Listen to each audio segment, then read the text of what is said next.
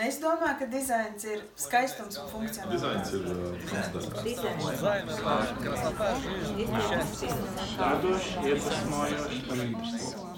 Dizains ir es. Esam um, ēterā. Sveiciens uh, visiem, kas mūs skatās. Uh, sveiciens tev, Anete. Paldies, ka tu mums esi pievienojusies. Un, uh, tiem, tiem, kas tikko ir sākuši skatīties, neliels ievads. Šis ir tāds sarunu cikls, kurš tiek veidots Latvijas dizaina gada balvas kontekstā, mēs runājam ar cilvēkiem, kas būs šī gada Latvijas dizaina gada balvas žūrijā. Un, mūsu pirmā saruna ir Anita Žukova. Čau, Anita, paldies, ka tu mums esi pievienojusies vēlreiz. Un, uh, Anita, tu būsi arī viens no cilvēkiem, kas būs žūrijā šajā gadā, šī gada dizaina gada balvā. Un, uh, paldies tev par to. Uh, es ceru, ka uh, tu varēsi iedot labu vērtējumu par to kopskatu, kas mums uh, aizdītā gadā ir bijis Latvijas dizainā.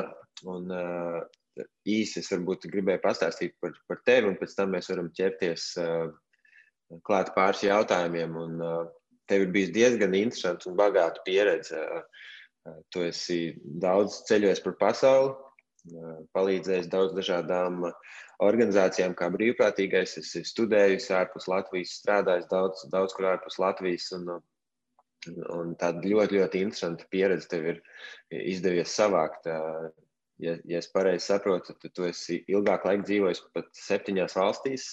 Tā ir taisnība. Ja? Es nesaskaitīju pirms, pirms mūsu sarunas, bet es ticēšu rakstītajiem. Aptuveni tā, tā varētu būt. Jā. Un tu esi palīdzējis cīnīties pret uh, Japāņu vaļu medniekiem Austrālijā, uzkāpus Everesta bāzes nometnē un, un daudz citas interesantas lietas darījis pirms tu vispār pievērsies dizainam. Un, uh, un, un patiesībā uh, Cik es saprotu, tu esi studējis nevis dizainu, bet tu sāki ar studijām uzņēmējdarbībā un ekonomikā. Un, un pastāst, varbūt, kāds bija tas tavs ceļš, līdz tu nonāci līdz dizainam? Uh, nu, stāsts ir tāds, uh, ka es esmu uzaugusi mākslinieku ģimenē.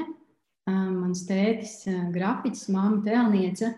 Un patiesībā sakot, jau kopš bērnības tā māksla bija visapkārt.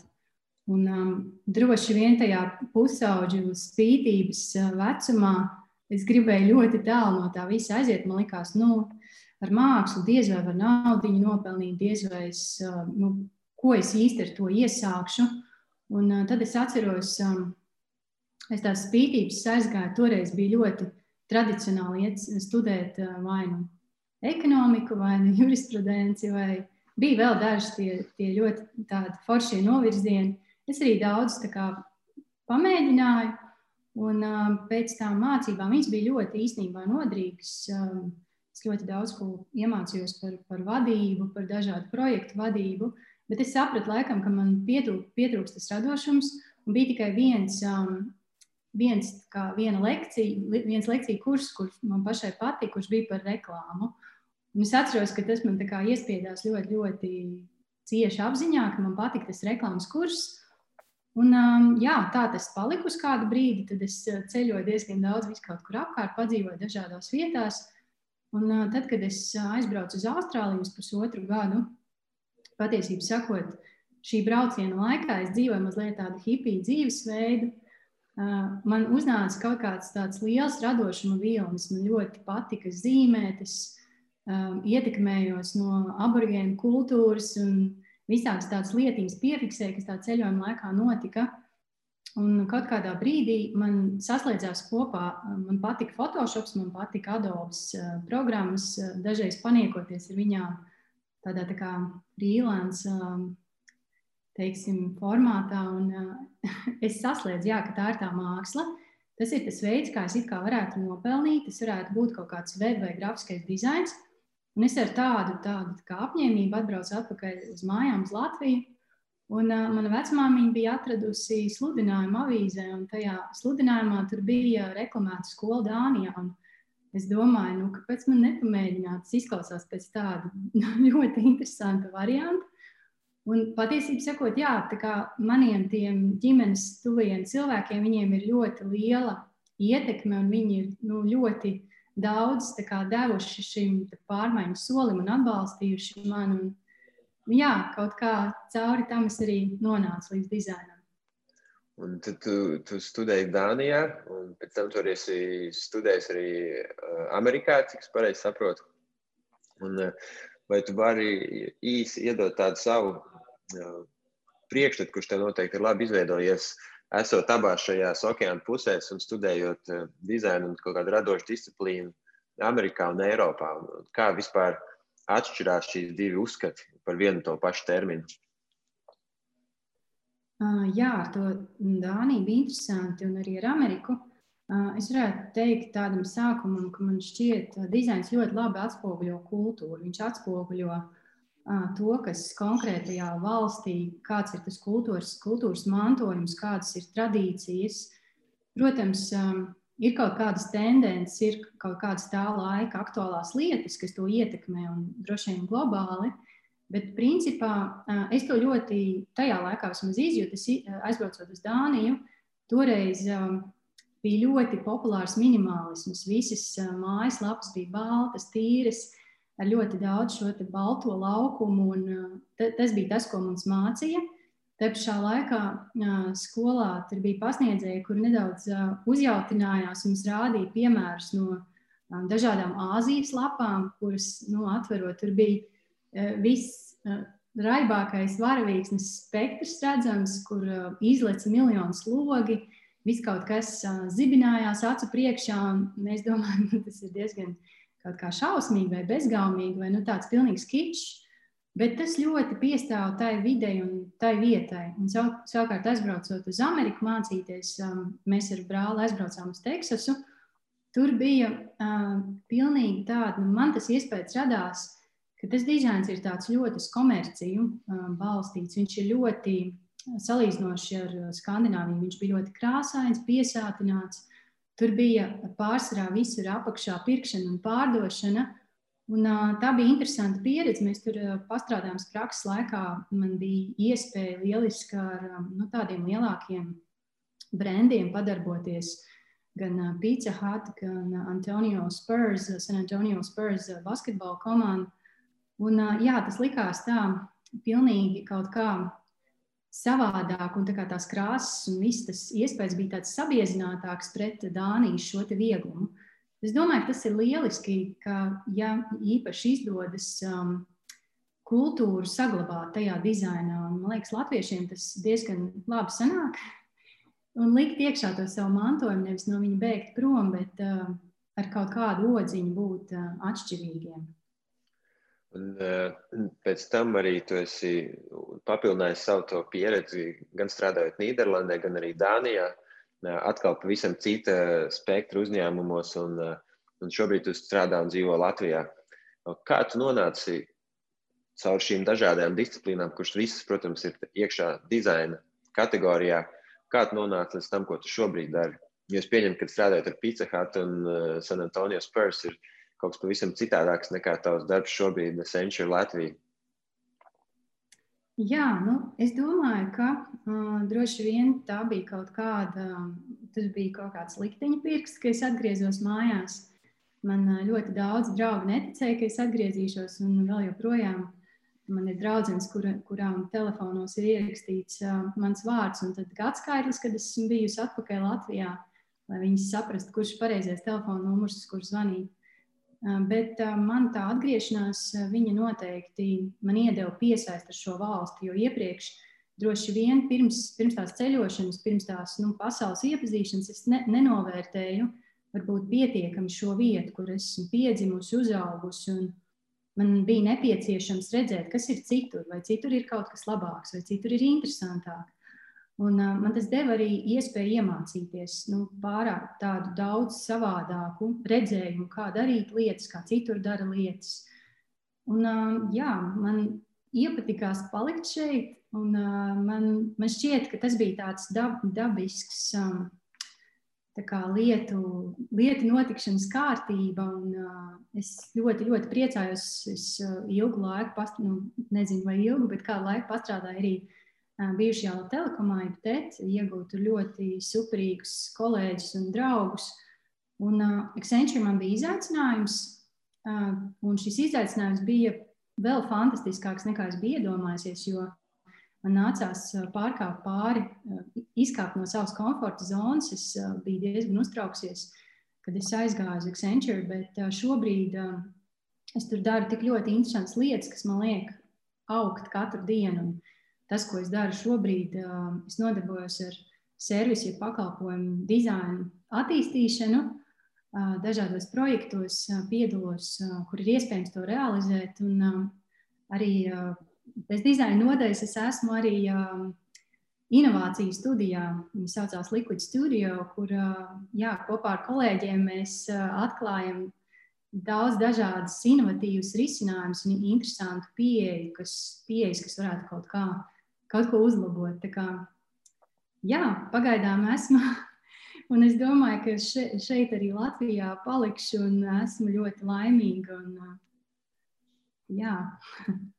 Vai tu, vai tu vari pastāstīt, ko, ko īsti nozīmē servis un pakalpojumu dizains? Pirmkārt, vispār kā, kā termins, ko tas nozīmē, un pēc tam paturpinot, kā tas, kā tas izpaužās tavā ikdienā. Teici, ka tev ir daudz izaicinājumu, tu vari forši augt. Ko tas nozīmē? Kā varbūt tu vari ieskicēt, kā izskatās tava diena? Um, jā, um, ja salīdzina servisi, pakalpojumu dizainu ar uh, lietotāju pieredzi, jeb user experience, uh, user experience tas ir tāds vairāk varbūt dzirdēts termins un uh, šajā lauciņā viss ir ļoti konkrēti vērsts uz lietotāju, uz, uz to, ko lietotājs vēlas sasniegt, kāda ir viņa mērķa, un tas ir fokus. Uh, servisa dizains savukārt uh, piešķir tādu plašāku skatījumu uz visā, uh, visā procesā iesaistītajām pusēm, ne tikai uz lietotāju, bet arī um, servisa dizaineri, piemēram, mēģina atrast uh, pievienoto vērtību, kāda, kādu varētu iegūt uh, gan biznesa, domājot par peļņu, par ātru peļņu, eh, gan uzņēmumu darbinieki, kā, kā viņiem jauni procesi var uzlabot viņu ikdienu, gan partneri, ar kuriem, piemēram, šis uzņēmums sadarbojas, gan arī gala patērētājs, protams. Un um, šajā procesā tiek uh, pētīts, uh, kāda uh, šī savstarpējā miedarbošanās varētu radīt vislielāko vērtību visiem. Um, jā, pakalpojumu biznesam viņam ir ļoti uh, spēcīga biznesa orientācija. Tas uh, savukārt prasa tādu nu, skaidrāku pamatojumu uzņemties, uh, uh, kad tiek piemēram domāts, kādas uh, tehnoloģijas izmantot. Tad nu, šajā gadījumā ir jāuzņemās uh, dažādi tehnoloģiju riski, bet um, pakalpojumu dizaineri viņi, uh, viņi nodarbojas, viņi izmanto uh, šīs te esošās tehnoloģijas, viņi neizdomā, kādas varētu būt jaunās tehnoloģijas. Tas drīzāk viņi piešķir šīm pašreizējām jaunajām tehnoloģijām tādu tā kā graujošu spēku, kas var kaut ko mainīt.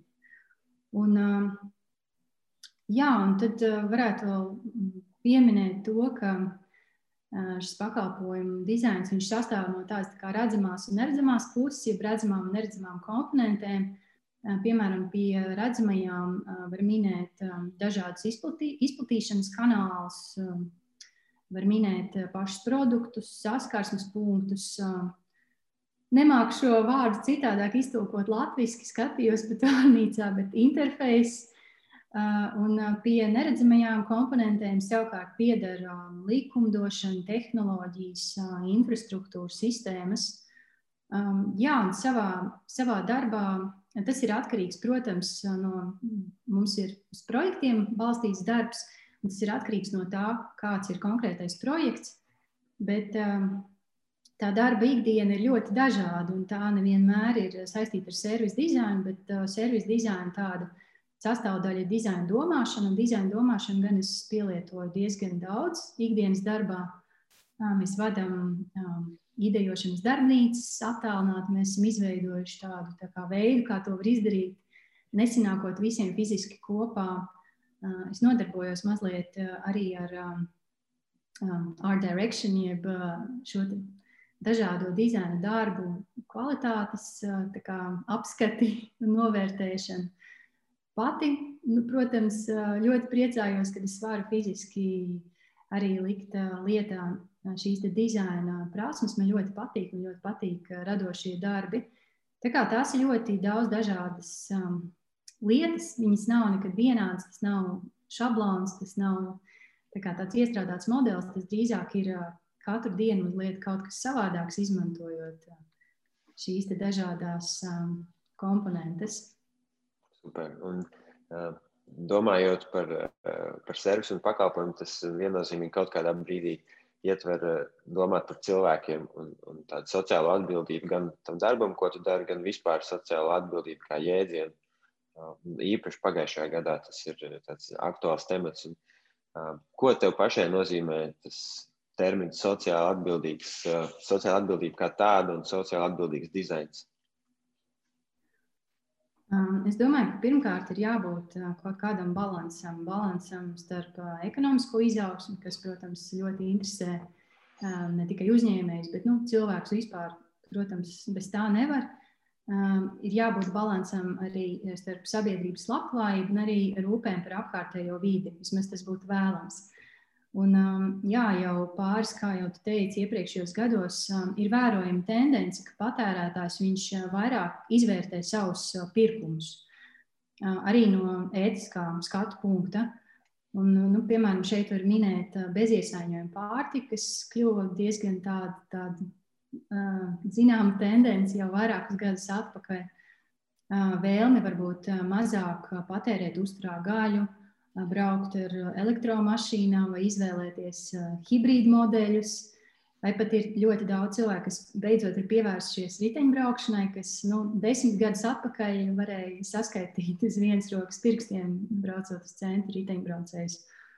Un, jā, un cilvēkiem ir arī radusies šī iespēja izvēlēties preces un pakalpojumus, iegādāties no tiem piegādātājiem un ražotājiem, kuri atbalsta šīs idejas ne tikai vārdiski, bet arī ar saviem darbiem. Viņi ievēro dažādus ētiskos aspektus, gan, gan cilvēku vienlīdzību, gan dabas nepiesārņošanu, citas tādas uh, svarīgas uh, lietas. Um, Visas šīs lietas, ko tu minēji, kas, kas maina tos ieradumus un izvēles, ko tas nozīmē praktiski dizaineriem un tai dizaina disciplīnai kā tādai? Uh, nu, es domāju, nu, piemēram, par sevi runājot, uh, es arī man ir daudz manas tās izvēles pamainījušās. Uh, piemēram, um, jā, nu, kaut, vai, kaut vai tās domas, ka es vēlos padarīt pasauli un to vidi sev apkārt labāku. Um, es izvēlos iepirkties tur, kur iespēja atteikties no plasmas maisiņiem, es nēdu ikdienā gaļu, izvēlos uh, vistu olas, kuras ir kūtī dētas vai nu, vismaz normālos apstākļos uh, turētas. Uh, arī braucu ar šo pašu riteni uz darbu. Bet uh, galvenais droši vien ir um, tas uh, godīgums pašam pret sevi. Uh, sākot ar cilvēku, kā cilvēku, nevis dizaineris, domāju, ir nu, pa, pašam saprast, ka katram ir savas vajadzības. Ir cilvēki, kuriem ir ikdienā jābrauc ar mašīnu, kuri lieto gaļu, viņiem vajag, ir nepieciešams ēst gaļu, un uh, kuri, kuriem šīs lietas uh, ir vajadzīgs, lai justos labi. Un tas viss ir pilnīgi labi un tā tam ir jābūt. Bet uh, galvenais ir varbūt kļūt mazliet empātiskākiem un labākiem vienam pret otru. Uh, nevis, piemēram, tīšprāt uh, atstāt atkritumus uh, mežā vai, es nezinu, darīt kaut kādas tādas citas uh, netik labas lietas. Un uh, dizainerim varbūt uh, viņam vajadzētu vairāk kā, palīdzēt ar savām idejām cilvēkam, nevis koncentrēties cilvēkā kā individu un viņa kaut kādām izvēlēm vai nostājām, bet vairāk nu, paskatīties plašākā mērogā, domāt par um, apļuveidu ekonomiku, kur agrāk vai vēlāk, kurai vajadzētu arī ierasties pie mums, uh, ražot, veidot dizainu, kurš ir uh, noturīgs, ilgspējīgs, kurš ir uh, atjaunojams Nevis um, atbalstīt, varbūt, idejas, kuras ir uh, šodienai, kuras ir izmetamas ārā un kuras uh, piesārņo vidi un uh, nekādu labumu nedod. Un, jā, dizaineri to ir spējīgi ar dažādām interesantām idejām attīstīt. Tā Šis ir tāds interesants brīdis, kad uh, savstarpēji ir divas tādas tēmas gaisā, kas ir lietotāju centrēta pieredze un cilvēks orientēta dizaina veidošana.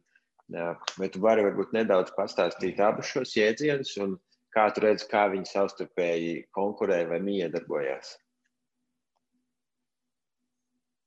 Jā, par, par šo te uz cilvēka tendēto dizainu, tas, tas jau kādu laiciņu atpakaļ, jau pagājušā, pagājušā gadā bija saskatāms Fjorda aģentūras publicētajos trendos, kuros tika runāts par to, ka vajadzētu vairāk pāriet no es uz mēs pozīciju, respektīvi skatīties vairāk nevis uz individu kā individu, bet pastīties plašākā tādā tā kā, skatu punktā par cilvēku, kurš ir daļa, daļa no ekosistēmas, kurš dzīvo savā vidē, kurš ietekmē ar savām darbībām daudzas lietas sev apkārt. Un, respektīvi, šis, šis veids, viņš pāriet tādā tā kā pasaulīgākā skatījumā vispār, lai cilvēks pievērstos, domātu par dabu, par, jā, kā jau minēju, apli veidu ekonomiku un apzinātos sevi kā daļu no tā lielā no pasaules. Tas jau būtu tāds tā pasaulīgāks skatījums, nevis domājot par cilvēku kā pasaules centru, kā, kā nabu, kā, kā vissvarīgāko elementu, bet kā daļu no šī lielā. Un, jā, kurš ar savām darbībām ietekmē. Pieminēji uh, fjordu trendu, to reportu, kas ir katru gadu tiek, tiek izdots un veidots. Un, vai tu vari mums ieskicēt, kas ir šogad tās galvenās tendences, kas ir identificētas šī gada fjordu trendu reportā? Uh, jā, um, es varētu teikt, ka šogad uh, varbūt mazliet pretēji citiem gadiem es ļoti, ļoti spēcīgi varu pati kā cilvēks rezonēt ar um, šīm te tendencēm. Uh, lielākoties tas ir tādēļ, um, ka Covid pandēmija ir ietekmējusi visus mūs, katru no mums atsevišķi, visu pasauli kopumā. Un, um, mēs to esam katrs personīgi izjutuši uz savu sādu. Tas, protams, arī ļoti spilgti atspoguļojies, veidojot šos trendus, jeb tendences. Um, jā, pagājušais gads viņš lika visiem cilvēkiem justies mazliet izmestiem ārā no laivas. Mainījās ļoti daudzas um, lietas ikdienā, vajadzēja izkāpt ārā no, no savas komforta zonas. Un, jā, šobrīd organizācijām ir jāatrod jauni veidi, kā sasniegt un sazināties ar cilvēkiem un kā, kā sniegt šo dažādo pieredzi no attāluma kur ir ļoti atšķirīgs telpiskais un sociālais konteksts. Piemēram, nu jā, ļoti liela daļa uzņēmumu ir sākuši investēt virtuālās un papildinātās realitātes radīšanā. Cilvēki maina savas dzīves vietas, viņi pārvācās projām no pilsētas uz laukiem, lai būtu tuvāk dabai. Tad otra tendence, kas ļoti spēcīgi iezīmējas, ir pieaugušs radošums cilvēki pievēršās šai do-it-yourself, jeb izdara pats inovatīvu dažādu risinājumu īstenošanai. Respektīvi, ir ļoti aktuāla nepieciešamība dažādām kompānijām līdzsvarot inovācijas, piedāvāt nevis rīkus, piedāvāt cilvēkiem nevis konkrētus risinājumus, bet gan rīkus, respektīvi iedot makšķeri, lai katrs pats var noķert to savu dzīvi un jā, ļaut varbūt mums dzīv, dzīvot radošāk. Tad trešais trends, viņš runā par mūsu attiecībām ar darbu, ar darba vidi. Kā jau mēs visi zinām, mēs strādājam no mājām, vismaz lielākā daļa cilvēku, kuriem tas ir iespējams. Un, jā, šīs darba stundas arī ir kļuvušas daudz fleksiblākas. Nav, nav vairs šis agrāk, agrāko laiku režīms, tas ļoti, šīs izmaiņas ļoti pātrinājās 20. Um, gadā, radot vajadzību pārdomāt ne tikai darbinieku pieredzi, bet arī šīs savstarpējās darba devēja un ņēmēja attiecības. Un tagad jā, ir jautājums, kāda vispār būs mūsu atgriešanās fiziskajā darba vidē, vai tas vispār notiks pēc pandēmijas beigām, vai tas notiks tikai daļēji. Um, tad, um, jā, ceturtais trends um, ir par to, ka cilvēki ir ļoti noguruši no ekrāniem. Mēs ikdienā ļoti daudz viņus izmantojam, pastiprināt tādēļ, ka mēs esam mājās, mēs šeit darām visu, mēs šeit strādājam, mēs šeit iepērkamies, mēs šeit sazināmies attālināti ar draugiem un pastiprinās šis nogurums no dažādām viedierīcēm. Un, jā, negribās visu laiku redzēt vienu un to pašu. Un šeit svarīgi būtu pārdomāt dizainu, saturu, mērķa auditoriju, pie kā dizainers vai organizācija vēršas, lai cilvēkiem miedarbojoties un izmantojot šīs viedierīces un dažādas programmas, lai viņi nejūtas noguruši, lai viņiem vēl joprojām ir kaut kāds azarts un interese. Piektais trends runā par infra, infrastruktūras uzlabojumiem. Tas ir ļoti saistīts ar to, ka mēs daudz ko pasūtām internetā daudz, eh, daudz pakalpojumus, eh, ēdienu, pārtiku. Eh, un šeit ļoti svarīgi kļūst piegāde. Un ir ļoti svarīgi pārdomāt, lai šie piegādes veidi būtu labāki. Un viņi paši par sevi viņi ietver servisu, respektīvi, vajadzētu pārdomāt, kā pārorientēties uz gandarījumu sniegšanu cilvēkam, šajā pasūtījuma brīdī, pirms viņš noformē pasūtījumu, lai viņš justos apmierināts, kā arī, protams, saņemot viņu. Um, sastais trends, viņš pievēršas empātijai. Um, 2020. gads ir bijis tāds ļoti skaļš, kad visa pasaule varēja novērot, piemēram, um, šādu kustību kā Black Lives Matter, uh, kuru laikā bija ļoti, ļoti liels bažas par pastāvošo nevienlīdzību cilvēku starpā, kur varēja vērot um, rasismu, kur varēja uh, šobrīd arī nu, ne tikai rasisms, bet vispār nevienlīdzība kā tāda, gan, gan dzimumu, uz dzimumu balstīta, piemēram, uh, pandēmijas apstākļos ir bieži gadījumi, kad vienam no vecākiem ir jāiet prom no darba tādēļ, ka viņš nevar pieskatīt bērnus mājās un vienlaicīgi strādāt vai arī, piemēram, ekonomiskie aspekti daudziem nav tādas iespējas kā mums. Kaut vai Latvijā, ja salīdzina ar citām valstīm, piemēram, Indijā, kolēģiem, viņiem iet smagi ar, ar datoru nodrošināšanu mājās, ar pieslēgšanos, ar zvanu organizēšanu. Kā, un arī um, organizācijām šajā brīdī būtu jādomā, kā atrast vidu, vidusceļu starp um, pragmatisku un vairāk tādu tā kā empātisku pieeju vēršoties pret saviem klientiem. Un, um, pēdējā tendence viņam savukārt pievēršas uh, rituāliem, dažādiem ikdienas rituāliem. Tas ir ļoti svarīgi, tādēļ, ka kaut vai mēs neaizdomājamies par to, mūsu ikdiena sastāv no rituāliem. Mums uh, ir kopīgi svētki, kafijas pauzes ar kolēģiem, sporta zāles apmeklējumi. Um, Šis viss šobrīd uh, ir uh, jāveic radošāk. tas nav iespējams tā, kā tas bija agrāk, uh, tādā brīvā gaisotnē. Un, uh, kaut arī pandēmija nav beigusies, ir skaidrs, ka cilvēki vēlas un viņiem ir uh, vajadzīgs atjaunot šos ieradumus, rituālus. Un, un tādēļ uh, būtu nepieciešams uh, jā, veidot kaut kādas stratēģijas, kas palīdzētu dzīvot šajos jaunajos apstākļos, negaidītajos apstākļos un justies labi. Un šeit var runāt par garīgumu, meklējumiem, meditāciju un, un tādām lietām. Tā kā tā, tie nu būtu septiņi jaunie šī gada trendi, kas ir ļoti ietekmējušies no pandēmijas. Interesanti būs redzēt, vai kaut ko no tā mēs arī varēsim redzēt Latvijas dizaina gada balvas uh, iesniegtajos darbos, vai šīs tendences būs arī tos darbus jau kaut kādā veidā ietekmējuši. Un, uh, varbūt tādā noslēdzošajā blokā mūsu sarunā es gribēju nedaudz tieši pavirzīt to sarunu uz uh, dizaina gadu balvu un uh, pajautāt tev, ko tu pats sagaidi no šiem darbiem, ko tu ceri tur ieraudzīt un uh, cik svarīga ir inovācija tajos darbos vai, vai kuras ir tās īpašības, kuras tu uh, turi sev kā svarīgas skatoties uz šiem darbiem.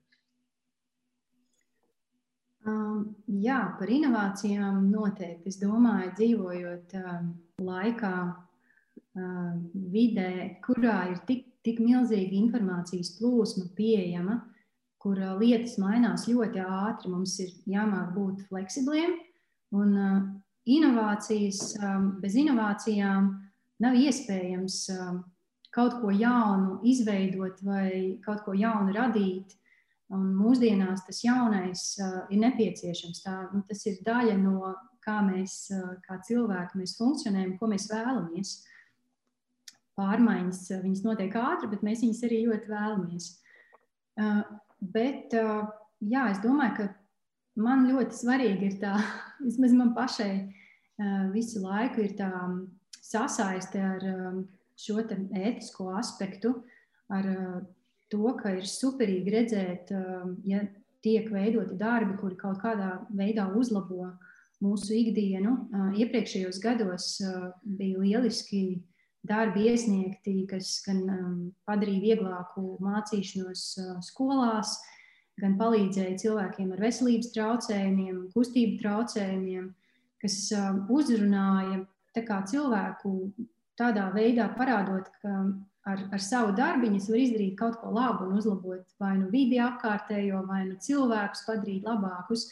Un tas ir superīgs uh, veids, kā, kā dizainerim būt un uh, ko dizainers varētu attīstīt. Arī domājot par šo pašu uh, ilgspējīgo dizainu, um, domājot par, par iepako, iesaņojumiem, iepakojumiem, kas uh, būtu ilgspējīgi, kurus varētu mainīt, uzpildīt, atgriezt uh, un šādām lietām. Uh, Es ļoti ceru, ka būs tādi darbiņi. Un, jā, jā. Papildinot to, ko tu saki, domāju, tagad ir tīpaši būs interesanti vērot to, kā tā līkne mainīsies. Jo tās lietas, ko tu minēji par beziepakojumu vai mazāk iepakojumu, kas, kur tas pamazām gāja līdz iepriekšējai gadai. Visai pandēmijai tagad katra būciņa vai auglis tiek ietīts atkal plasmasā. Un, un interesanti būs, cik ilgs laiks nepieciešams, lai to atkal dabūtu. Pirmkārt, atpakaļ tur, kur tas bija, un tad to galveno izrāvienu, līdz, līdz mēs tiekam brīvi no tām lietām. Bet es tev gribēju pajautāt, tādu labo darbu un dizaina gadu balvas darbu kontekstā, vai tu vari minēt kādus labus piemērus no pakalpojumu dizaina Latvijā, ko tu esi redzējis, kas ir tieši no tās jomas, kur tu ikdienā darbojies? Um, jā, ir tā, ka Mūsu darba lauciņš vairāk ir saistīts uh, ne ar Latviju. Mums uh, pārsvarā visi projekti ir, um, nezinu, diemžēl vai par laimi, viņi ir um, ārpus, ārpus Latvijas. Uh, bet es, tas pakalpojumu dizains kā tāds, um, viņš iet roku rokā ar ļoti daudz ko. Un, nu, pieņemsim, piemēram, man šķiet, tas bija pagājušā gada viena no trīs pirmajām vietām, vai varbūt aizpagājušā gada, bija ļoti lieliski. Liepājas lapā, piemēram, tika domāts par to, kā integrēt dažādus veidus, lai cilvēki varētu spēt redzēt to, kas ir mājaslapā, pat ja viņiem ir redzes traucējumi, vai viņiem burti nav par mazu lasīšanai, kas, kas varētu apgrūtināt, piemēram, interneta apgūvu vecākiem cilvēkiem bija uzlabota, manuprāt, arī CSDD mājaslapa. Un, jā, šādi uzlabojot kaut ko, ko tu lieto ikdienā, um, droši vien es pati ļoti daudz neizmantoju CSDD lapu, jo es esmu slinks braucējs ar mašīnas, pārvietojos ikdienā riteni.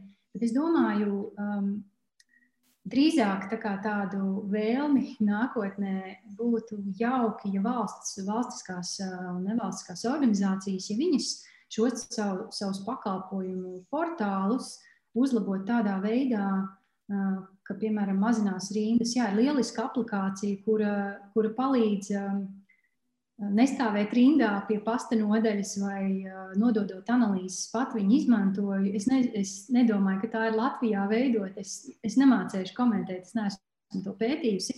Bet šādi risinājumi ļoti iepriecina. Tas, manuprāt, ir servisa dizains. Izanalizējot, kas būtu labi visiem, kas, kas kā dod kaut kādu pienesumu gan, gan šiem lietotājiem pašiem, varbūt pasta darbiniekiem atvieglot dzīvi un uh, visas šīs iesaistītās puses noņem no viņiem rindās stāvēšanu, birokrātiju un ņemšanos ar papīriem un atvieglo, jo mūsdienās tas ir iespējams, tas ir viegli izdarāms, mazliet izmantojot tehnoloģiskās dažādas lietas. Man te vēl viens noslēdzošais jautājums ir, kurus labprāt dzirdētu tev atbildi, jo tu esi strādājis daudzās vietās kā dizainers daudzās valstīs, da, dažādos uzņēmumos, gan lielākos, gan mazākos, un, uh, un daudz dažādas disciplīnas esi pamēģinājis tieši dizaina ietvaros. Kas priekš tevis šodien, savākot visu savu pieredzi kopā, ko tu priekš sevis saki, kas vispār ir dizains? Jo skaidrs, ka tagad strādā ar pakalpojumu dizainu, servisu dizainu, bet tas nav vienīgais dizaina aspekts. Tu pati esi pamēģinājis arī roku citos dizaina instrumentos, un ko tu priekš sevis tā savilkot kopā teikt, kas ir dizains? Mana atbilde būs ļoti īsa. es neizpildīšu garu. Es domāju, ka dizains tas ir veids, kā mēs varam piešķirt dziļāku nozīmi un jēgu un nodot tālāk cilvēku, cilvēkiem, izmantojot mūsu veidoto pieredzi. Tā es definētu dizainu. Jā, un vēl es domāju, ka bez dizaina viss apkārt būtu pelēks. Paldies, tev, Anita, par, par sarunu. Un, uh, lai tev pietiek enerģijas un pacietības izvērtēt visus darbus, kas būs iesniegti Latvijas dizaina gadu balvā, un, uh, un lai tev izdodas arī pašai jaunas idejas uh, veidot un arī realizēt uh, tavā darbvietā. Un, uh, paldies par sarunu! Paldies, Liels! Tā, tā, paldies arī visiem par klausīšanos!